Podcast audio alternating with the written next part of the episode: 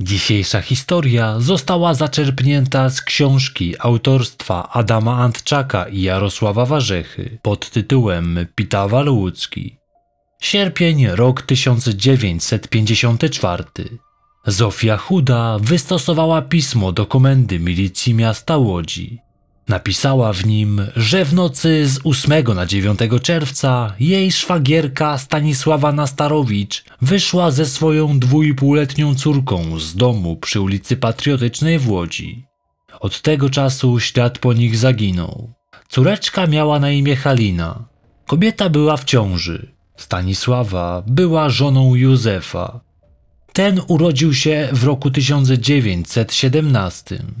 Pracował jako ślusarz w zakładach przemysłu bawełnianego imienia Armii Ludowej w Łodzi.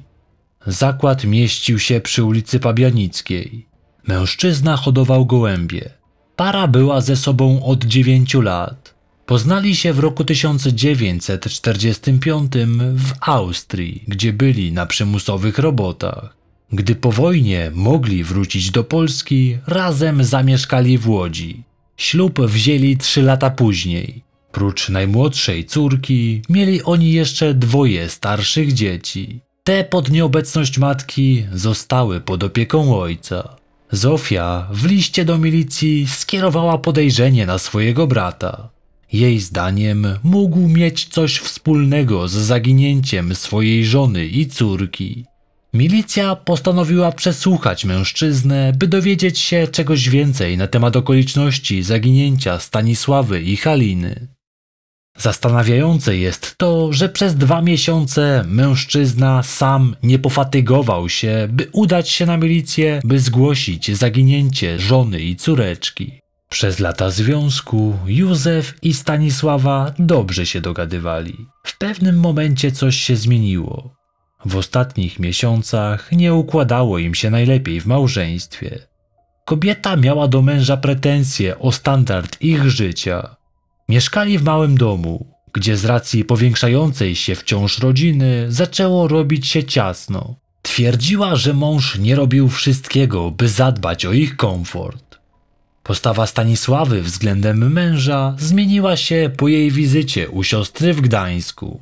Spędziła u niej święta w roku 1953. Była tam aż do lutego roku 1954. Jej siostra żyła na wysokim poziomie i ona również chciała takiego właśnie życia. Po powrocie przez cały czas mu o tym przypominała. Z tego powodu zaczęło dochodzić między nimi do tarć. Józef uważał, że to siostra negatywnie nastawiła do niego Stanisławę. Kobieta w czerwcu obraziła się na męża i przez kilka dni się do niego nie odzywała. Mężczyzna na przesłuchaniu zeznał, że ostatni raz widział żonę wieczorem 8 czerwca. Wtedy to wrócił z pracy około godziny 22. Gdy zjawił się w domu, wszyscy już spali. Zdziwiło go, że żona i najmłodsza córka spały w ubraniach. Zapytał Stanisławę, czemu nie są przebrane w piżamy. Partnerka nadal była obrażona i nic mu nie odpowiadała. On był zmęczony, nie chciał się kłócić, by nie budzić dzieci. Sam się przebrał i położył spać. Józef obudził się na zajutrz około godziny czwartej rano. Stanisławy i Halinki nie było. Nie słyszał, kiedy wstały. Mężczyzna wyszedł na dwór, gdzie zastał swoją matkę, Weronikę. Kobieta mieszkała nieopodal. Tę noc spędziła w przybudówce przy ich domu, ponieważ minionego dnia do późnej godziny wiązała ze Stanisławą rzodkiewki. Weronika od samego rana zajmowała się oprzątaniem zwierząt. Józef porozmawiał z matką.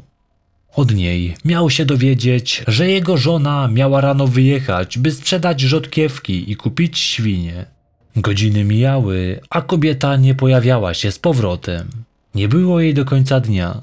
Wieczorem matka Józefa udała się do sąsiadki. Sądziła, że Stanisława zostawiła u niej najmłodszą córeczkę. Ta jednak o niczym nie wiedziała. Nazajutrz kobieta z córką nadal się nie pojawiły nie dawały znaku życia. Z jakiegoś powodu Józef nie zgłosił zaginięcia. Uważał, że żona dobrowolnie od niego odeszła, porzucając jednocześnie dwoje dzieci. Nie była co do tego przekonana jego siostra, Zofia. Wiedziała, że kobieta kochała swoje dzieci i nie zostawiłaby ich. Podejrzewała, że Józef nie mówił całej prawdy. Napisała telegram do siostry Stanisławy. Zapytała, czy może pojawiła się u nich. Wkrótce w Łodzi zjawiła się matka zaginionej, martwiąca się losem swojej córki. Nie widziała jej od jakiegoś czasu, aż do telegramu nie miała pojęcia, że zniknęła. Od zięcia chciała uzyskać informacje na temat tego, gdzie może się znajdować. Józef nie miał pomysłu, dokąd mogła się udać. Przez kolejne miesiące w tej sprawie nic się nie ruszało. Józef zdawał się nie przejmować losem żony i córki. Znacznie bardziej przejęła się Zofia. Nie miała zamiaru pozostawić tej sprawy samej sobie. Po dwóch miesiącach zdecydowała się zgłosić sprawę na milicję. Milicjanci przesłuchali sąsiadów. Jedna z sąsiadek, Barbara, potwierdziła, że Stanisława planowała jechać 9 czerwca do Tuszyna na targ. Wyglądało na to, że kobieta faktycznie miała taki zamiar. Nikomu jednak nie zwierzyła się, by chciała wyjechać i nie wracać. Zeznania matki Stanisławy rzuciły nieco światła na tę sprawę. Po pierwszym telegramie otrzymanym od Zofii pojawiła się w domu córki i jej męża. Tam jednak nie otrzymała żadnej odpowiedzi. Zaskakująca była obojętność Józefa. Kobieta wróciła do siebie do Gdańska. Jakiś czas po powrocie otrzymała telegram o treści. Stasia wyjechała na miesiąc, z powrotem zajedzie do ciebie. Józek. To zaskakująca informacja, zważywszy na to, że wcześniej mężczyzna twierdził, że nie ma pojęcia, co stało się ze Stanisławą. Ojciec zaginionej postanowił zapytać się o co chodzi. Józef odpowiedział listownie, że on żadnego telegramu nie wysyłał i nie ma pojęcia, kto i po co miałby to robić. Później wysłał kolejny list.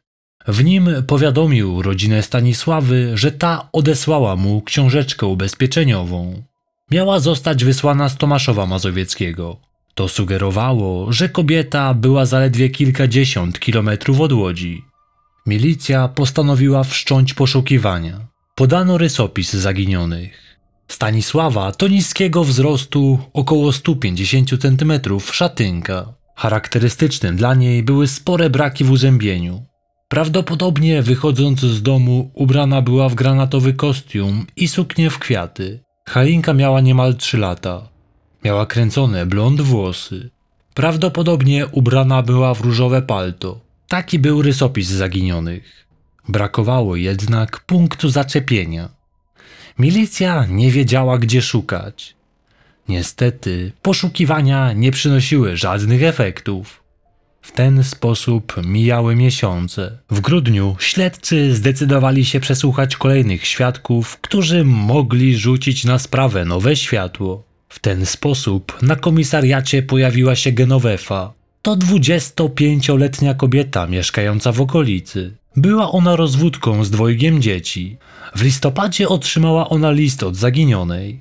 Kobiety dobrze się znały i żyły w dobrych stosunkach. Stanisława napisała do niej, że żałuje, iż opuściła męża i rodzinę. Miała podjąć tę decyzję za namową siostry. Poprosiła koleżankę, by zajęła się dziećmi, które zostały z ojcem w domu. Ona sama miała rozpocząć nowe życie w Tomaszowie Mazowieckim. Znaczek na kopercie wskazywał, że list został wysłany z Piotrkowa Trybunalskiego. Genovefa zeznała, że Józef powiedział jej, że on także otrzymał list od żony. Miała mu wyjawić w nim, że przeprowadza się do Wrocławia. Póki co nie podała dokładnego adresu, ale być może zrobi to później. Te zeznania dały podstawy do tego, by ponownie przesłuchać Józefa Nastarowicza. Mężczyzna ewidentnie nie mówił całej prawdy. Nie mówił śledczym o listach, które miał otrzymać od zaginionej żony. W trakcie przesłuchania Józef przyznał, że 6 czerwca doszło do kłótni. W ostatnim czasie były one na porządku dziennym. Stanisława czepiała się gołębi, które hodował. Mocno się wówczas pokłócili. Dwa dni później partnerka znów wszczęła kłótnię, znów z tego samego powodu. Przekazał śledczym listy, które otrzymał od Stanisławy już po jej odejściu. Po przesłuchaniu został zwolniony do domu. Nie było podstaw, by go zatrzymywać. Ojciec zaginionej 14 grudnia wysłał list na milicję, w którym rzucał podejrzenie na swojego zięcia. Twierdził, że podczas wizyty w Gdańsku córka skarżyła się na męża. Powiedziała, że miał on przyjaciółkę. Podejrzewała, że miał z nią romans. Ta kobieta miała być matką chrzestną Halinki. Rodzice Stanisławy nie znali jej z nazwiska. Była nią Genowefa, przedstawiona przez Józefa jako serdeczna koleżanka zaginionej. Zdaniem bliskich Stanisławy, Józef był odpowiedzialny za jej zaginięcie. Byli wręcz przekonani, że pozbawił on życia ich córkę, a także wnuczkę. 31 grudnia wszczęto śledztwo w tej sprawie. W styczniu prokurator wezwał na przesłuchanie Józefa Nastarowicza.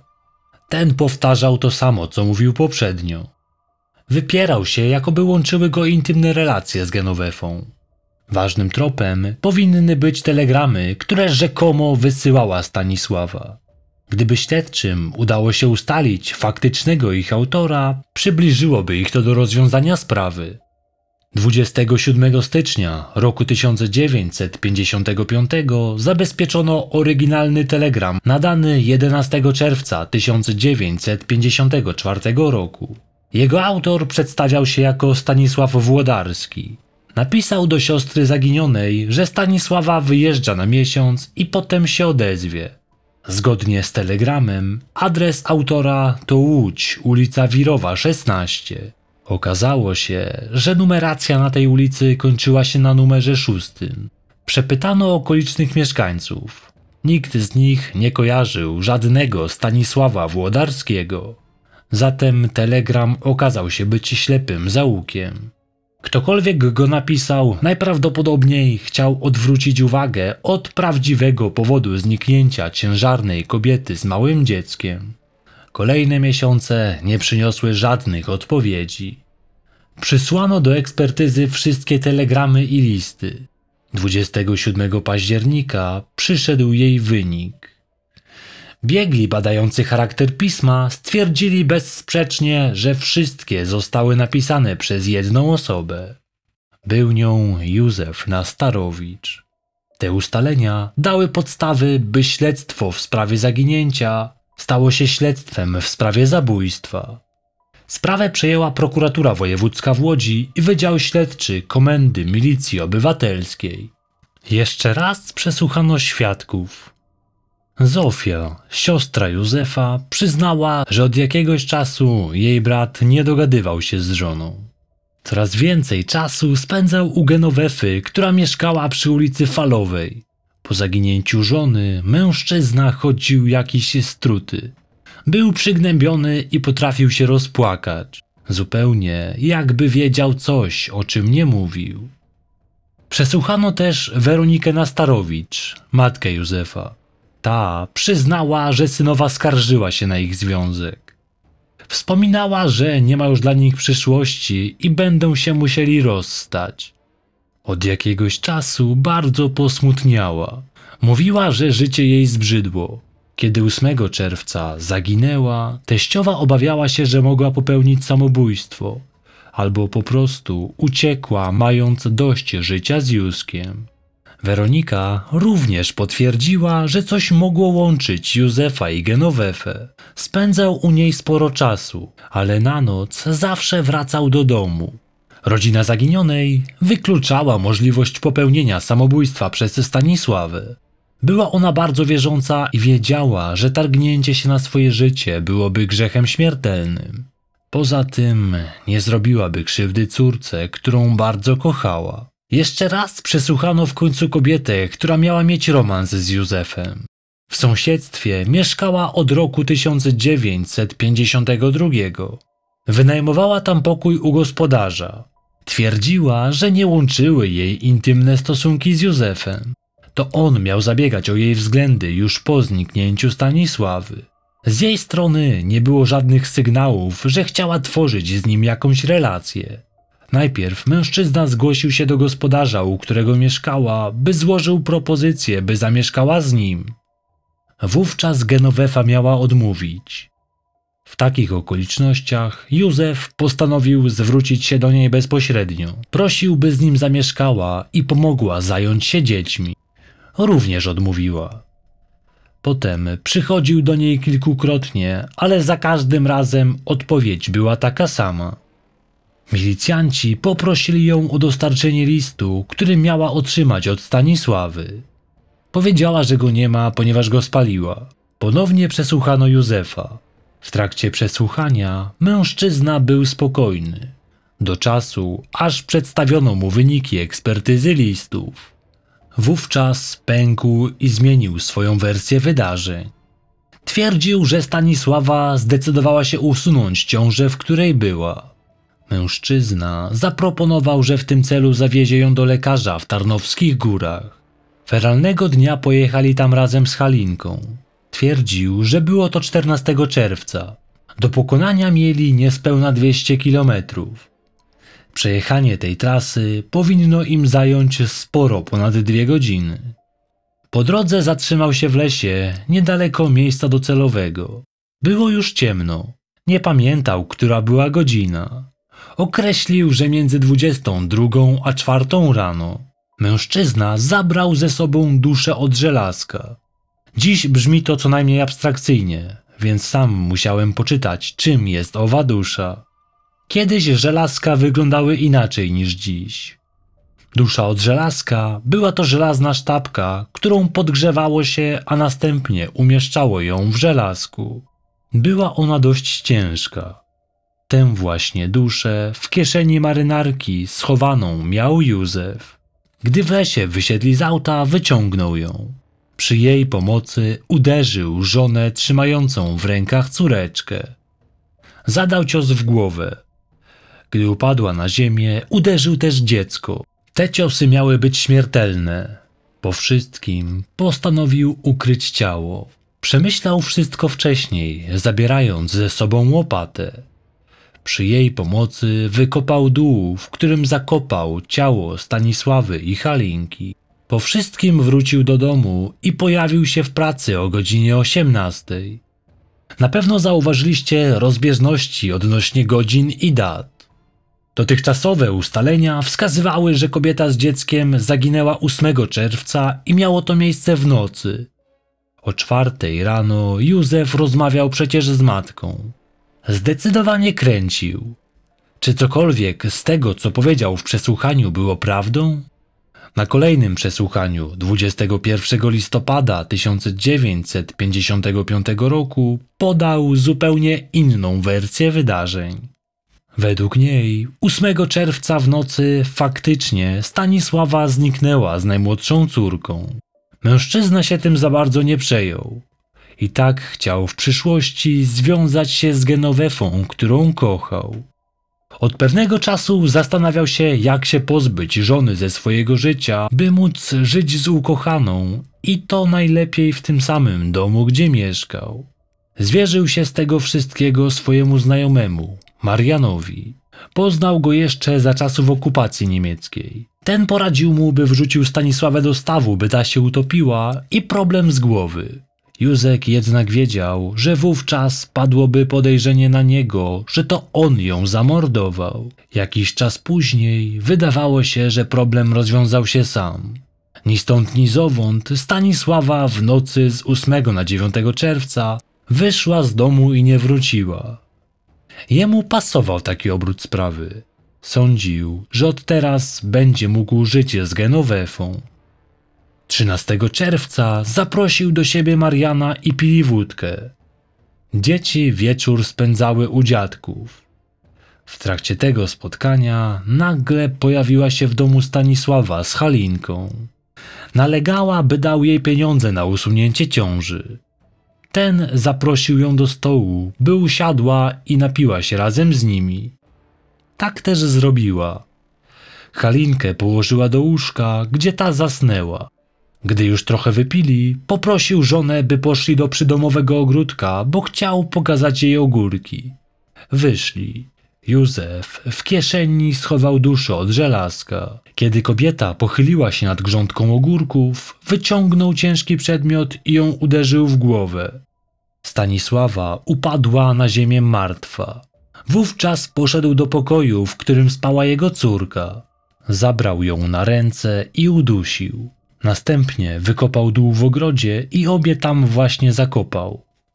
Jego kompan od wódki w tym czasie czatował przed płotem, by sprawdzić, czy nikt się nie zbliża. Gdy Józef już skończył, poszli dokończyć popijawę. Po niej odprowadził swojego kompana na tramwaj. Dał mu 400 złotych za pomoc w tym, by zbrodnia się nie wydała. Około godziny 22 dzieci wróciły od babci.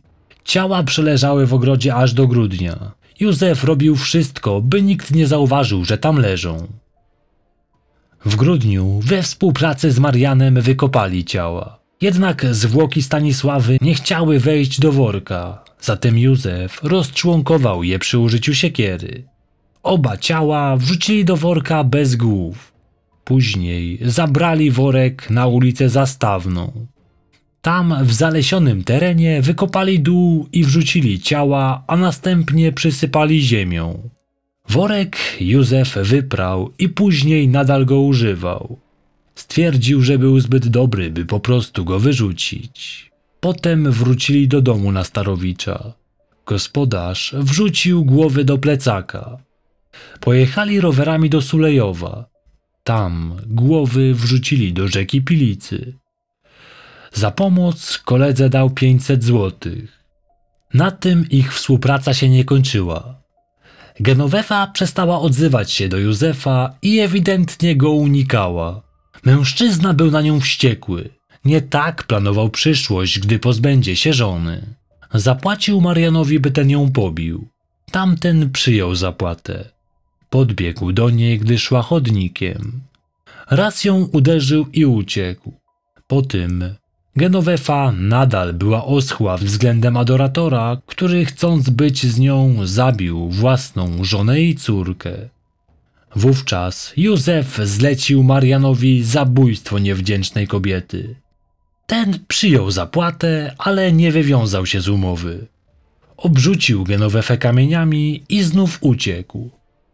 Śledczy postanowili sprawdzić jego wersję. Udano się na miejsce, w którym miały zostać zakopane zwłoki. Tam, w płytkim dole, znaleziono ciało kobiety i dziecka. Ich stan rozkładu był zaawansowany. Nie można było określić, w jaki sposób zmarły. Ciężko było też je zidentyfikować. Określono jednak ich wiek. Odpowiadały wiekowi Stanisławy i Halinki. Okazało się, że w okolicy nie mieszkał żaden Marian, który miał być wspólnikiem Józefa. Na jednym z kolejnych przesłuchań mężczyzna przyznał, że wymyślił postać Mariana, a tak naprawdę współpracował ze sąsiadem, siedemnastoletnim Janem. Młody mężczyzna został wezwany na przesłuchanie. Zaprzeczał, by miał jakikolwiek związek z tą zbrodnią. Z racji, że do zabójstwa doszło dwa lata wcześniej, to miałby on wówczas zaledwie 15 lat. Józef jeszcze wielokrotnie zmieniał zdanie odnośnie szczegółów zabójstwa, a także jego daty. Nie było jednak wątpliwości, że mężczyzna był winny. Został oskarżony o podwójne zabójstwo. Przyznał się. Powiedział, że żonę zabił, ponieważ chciała od niego odejść i zabrać ze sobą dzieci, a córkę zabił, ponieważ nikt nie uwierzyłby, że Stanisława odeszła bez niej. On sam chciał kontynuować życie z Genowefą. Ta w sądzie zaprzeczyła, by kiedykolwiek łączyła ją zażyła relacja z Józefem. W pewnym momencie on stał się wręcz nachalny względem niej, ale ona sama nie chciała się z nim wiązać. Jej zeznania w sądzie pokrywały się z tym, co mówiła na przesłuchaniach w trakcie śledztwa. Sąd nie miał wątpliwości, że Józef Nastarowicz dopuścił się podwójnego zabójstwa. Sam oskarżony prosił o skazanie go na ciężkie prace. Jego obrońca wnosił o karę więzienia. Prokurator natomiast żądał kary śmierci. sąd podzielił opinię prokuratora. 2 lutego 1956 roku Józef Nastarowicz został skazany na karę śmierci przez powieszenie. Wyrok ten wykonano 4 czerwca tamtego roku. Ostatnimi słowami wypowiedzianymi przed śmiercią było imię Gienia. Jakie były faktycznie motywy działania Józefa? Jego wersja zmieniała się wielokrotnie. Z zeznań Genowefy wynika, że nigdy nie było żadnego romansu. Czy był on tylko wymysłem zabójcy? A może kobieta skłamała, nie chcąc, by ktoś łączył ją ze zbrodnią, która wydarzyła się przy ulicy Patriotycznej? W końcu siostra, jak i matka mordercy, a także rodzice zamordowanej twierdzili, że tamci się spotykali. Niemniej żadna motywacja nie tłumaczy czynu, jakiego dopuścił się Józef Nastarowicz. Nie ustalono też, czy mężczyzna miał wspólnika w zbrodni. Początkowo wymyślił postać Mariana, by w końcu o pomoc oskarżyć 17-letniego sąsiada Jana. Na podstawie samych zeznań oskarżonego nie zdecydowano się postawić młodemu mężczyźnie żadnych zarzutów. Ten wątek pozostanie tajemnicą już chyba na zawsze.